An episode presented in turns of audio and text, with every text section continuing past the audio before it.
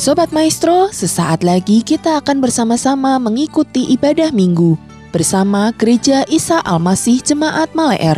Anda dapat mendengarkan siarannya di Maestro Radio Bandung YouTube channel. Selamat mendengarkan.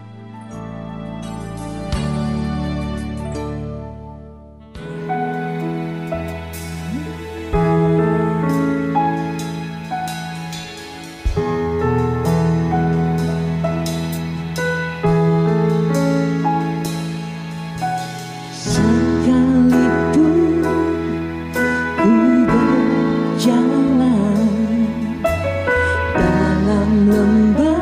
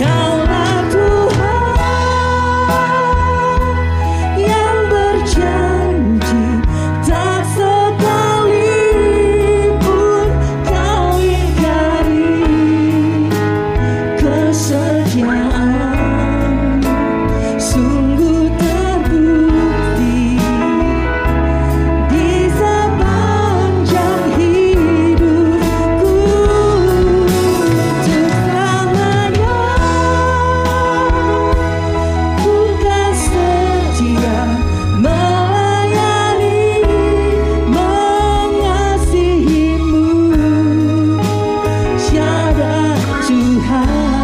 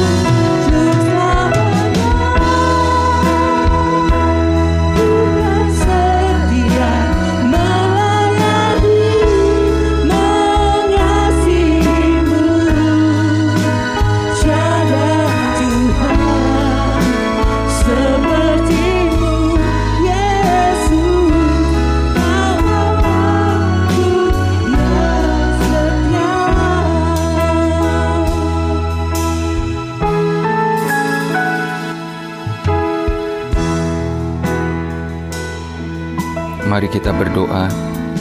Sungguh Bapa kami bersyukur kalau hari lepas hari kami boleh melihat bagaimana kesetiaanmu sungguh terbukti di dalam kehidupan kami.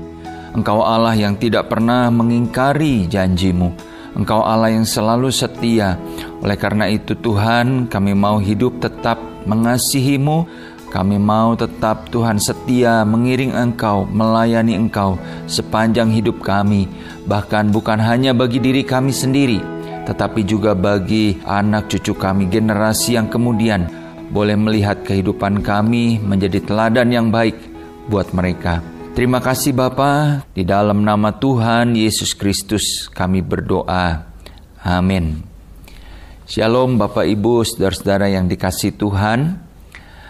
Firman Tuhan pada minggu ini mengambil tema tentang living with eternal legacy atau hidup dengan warisan yang abadi. Bapak Ibu Saudara-saudara, ada fenomena tentang kehidupan anak-anak muda dewasa ini yang mungkin ke depannya akan semakin intens atau semakin kuat. Fenomena itu mengambil kata dalam bahasa Inggris skin, S C E N E, di mana S itu berarti speed yaitu mengungkapkan bagaimana anak-anak muda dewasa ini ingin segala sesuatunya serba cepat. Hal-hal yang lambat itu dianggap sebagai hal yang kurang baik. Mereka ingin serba instan dalam menjalani kehidupan ini, ingin serba cepat, cepat ingin menjadi sukses, cepat ingin berhasil, cepat ingin kaya, dan sebagainya. Yang kedua adalah convenience atau kenyamanan. Anak-anak muda sekarang adalah generasi yang tidak mau direpotkan, mencari yang nyaman dan aman saja. Yang ketiga, I adalah entertainment. Generasi muda banyak mengejar hal-hal yang bikin mereka happy.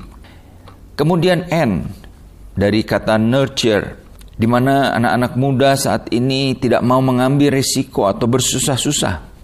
Dan yang terakhir adalah entitlement, di mana Anak-anak muda mengutamakan hak mereka. Kadang-kadang sikap mereka menjadi tidak sopan atau berlagak serba tahu. Dan memang hal ini tidak dapat dipungkiri. Dengan teknologi yang memudahkan mereka untuk mencari informasi sendiri tentang segala hal yang mereka ingin ketahui di internet. Nah masalahnya Bapak Ibu Saudara-saudara, informasi yang mereka baca, informasi yang mereka dengar, mungkin juga merupakan hoax atau berita yang tidak benar.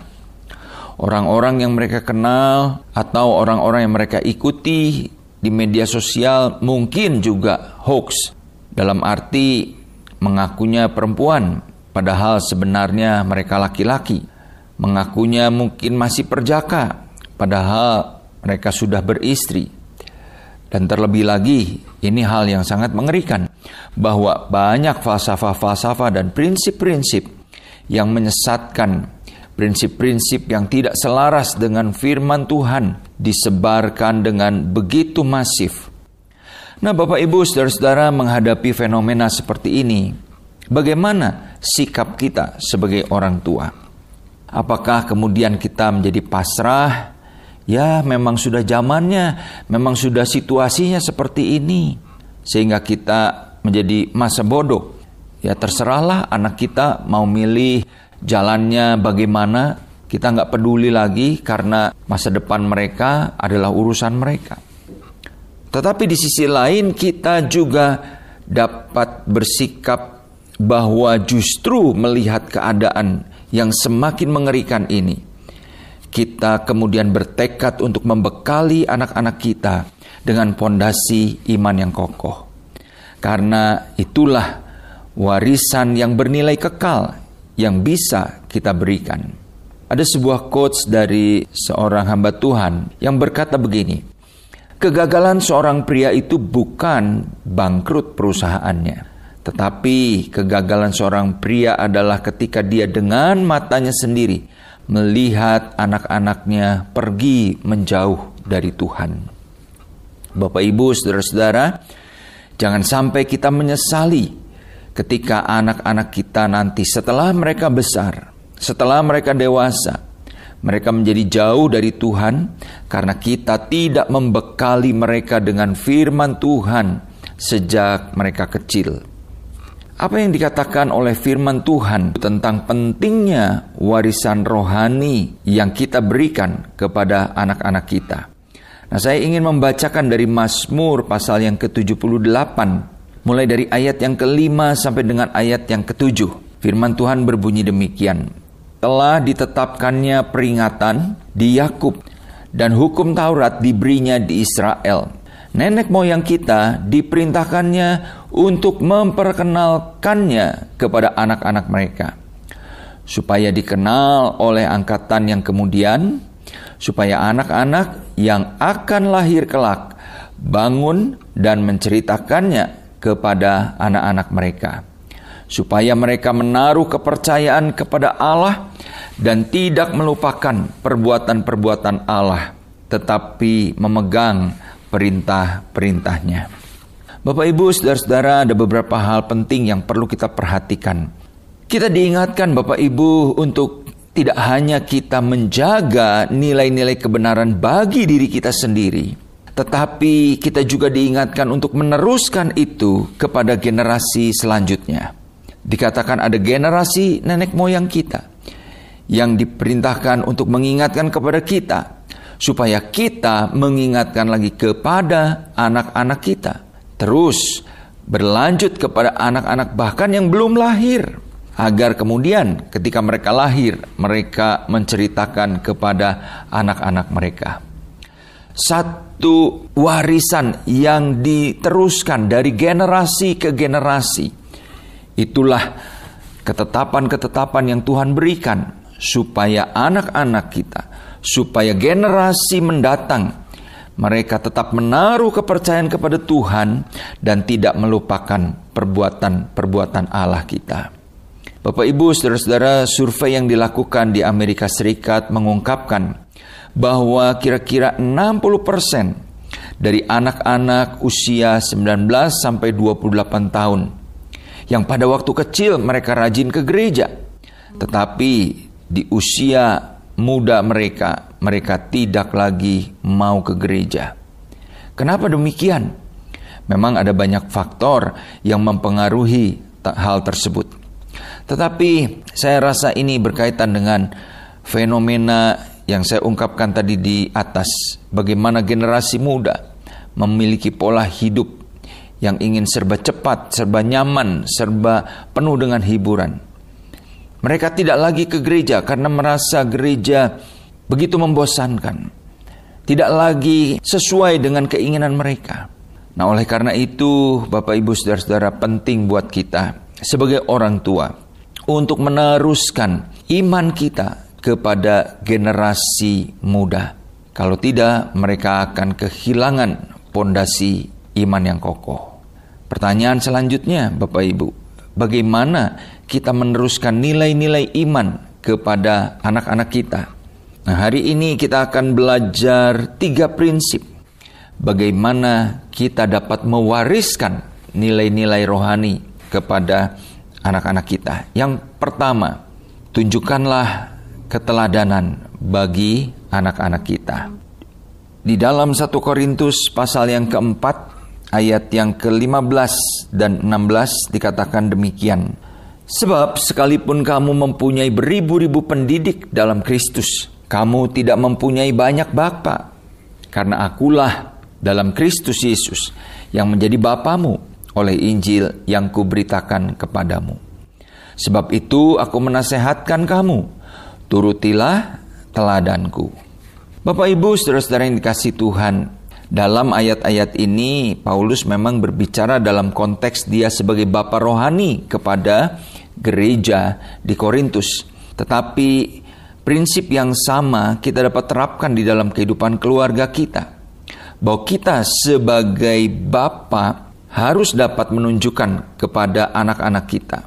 Harus dapat menasehatkan kepada mereka, "Hai anak-anak, turutilah teladanku."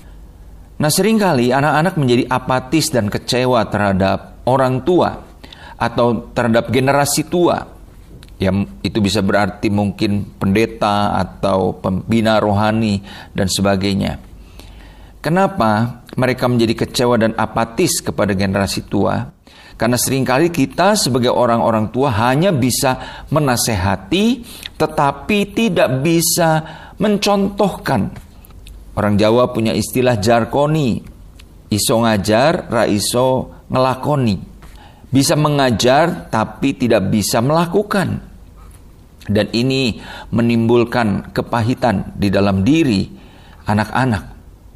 Kita perlu ingat Bapak Ibu Saudara-saudara bahwa tindakan itu berbicara lebih kuat daripada kata-kata kita. Keteladanan itu berdampak lebih kuat daripada sekedar nasihat-nasihat kita.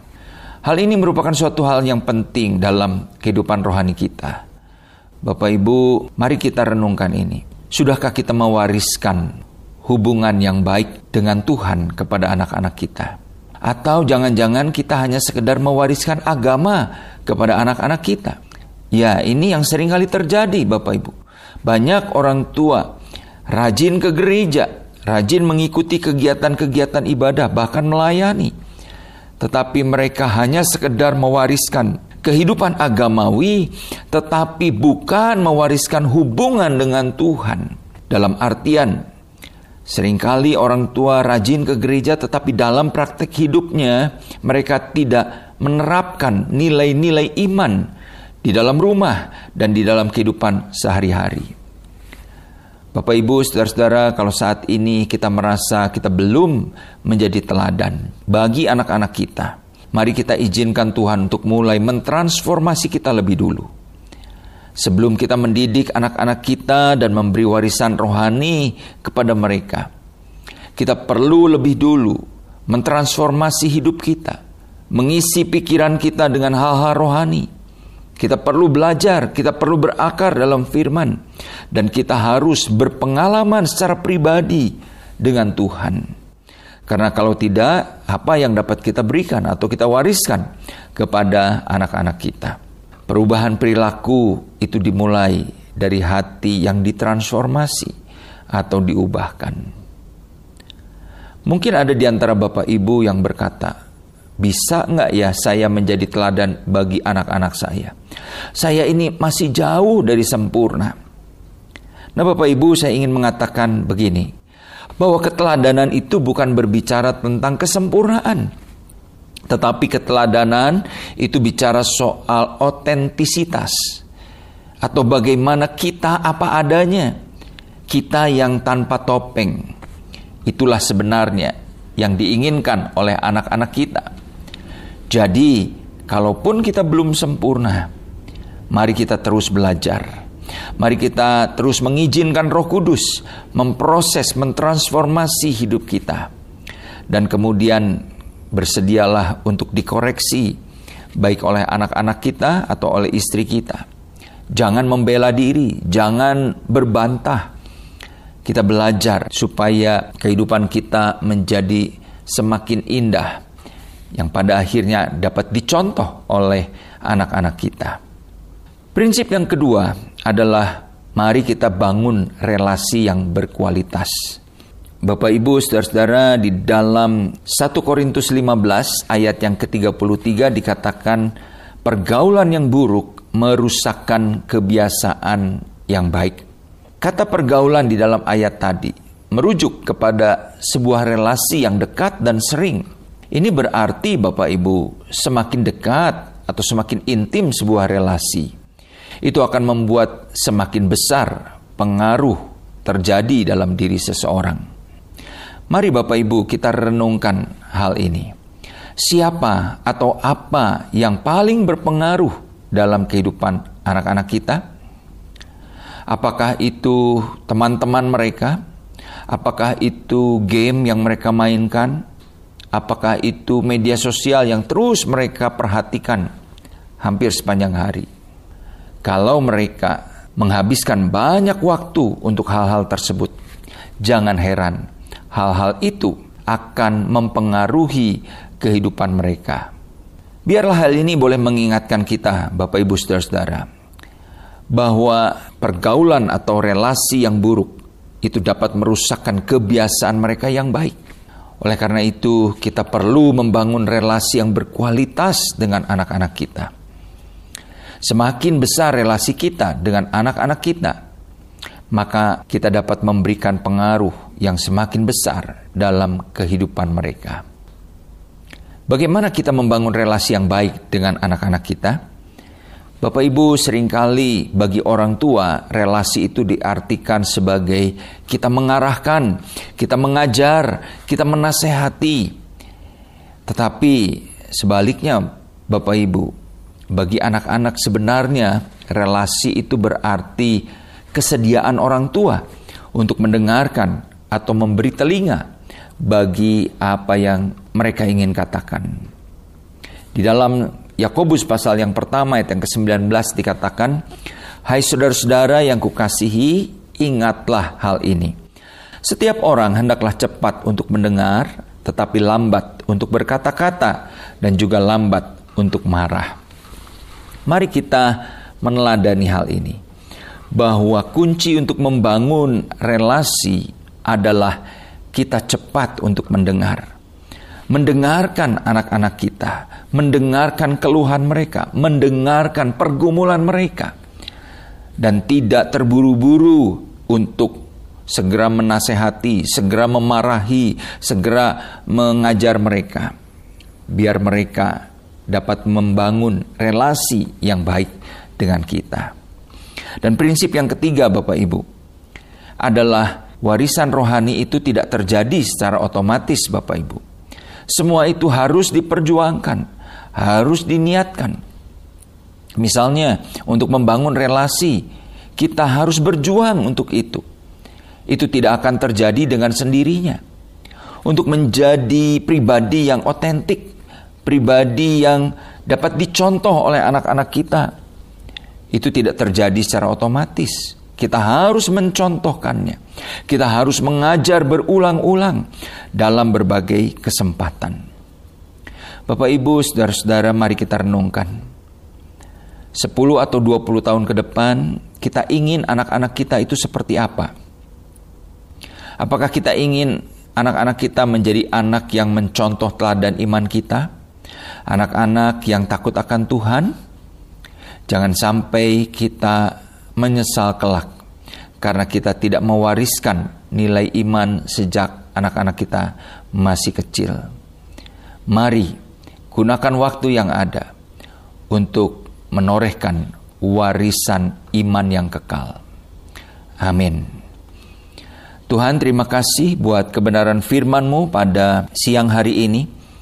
Biarlah Tuhan yang akan berbicara bagi kami semua, khususnya para orang tua setelah kami mendengar firman ini Tuhan, kami diingatkan tentang pentingnya kami untuk membangun relasi dengan anak-anak kami, untuk menjadikan diri kami suatu teladan yang baik bagi mereka, sehingga kami dapat mewariskan nilai-nilai iman yang kekal, sehingga mereka menghadapi tantangan zaman yang semakin tidak mudah ke depan tetapi mereka mempunyai bekal yang kuat, mempunyai pondasi iman yang kokoh, sehingga mereka tidak akan menyimpang dari kebenaran firman-Mu.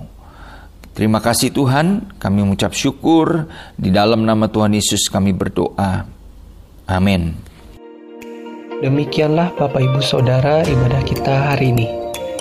Kami mengundang sidang jemaat untuk dapat tetap mengikuti ibadah online Gereja Isa Masih Jemaat Maleer baik melalui Radio Maestro 92,5 FM setiap hari Minggu pukul 12 lebih 15 atau melalui channel GI Amale R di youtube.com setiap hari Minggu pukul 9.30. Bagi sidang jemaat yang membutuhkan dukungan doa, dapat mengirimkan beban doa melalui SMS ataupun WhatsApp di nomor 0821 1965 9019. Happy Sunday and God bless you.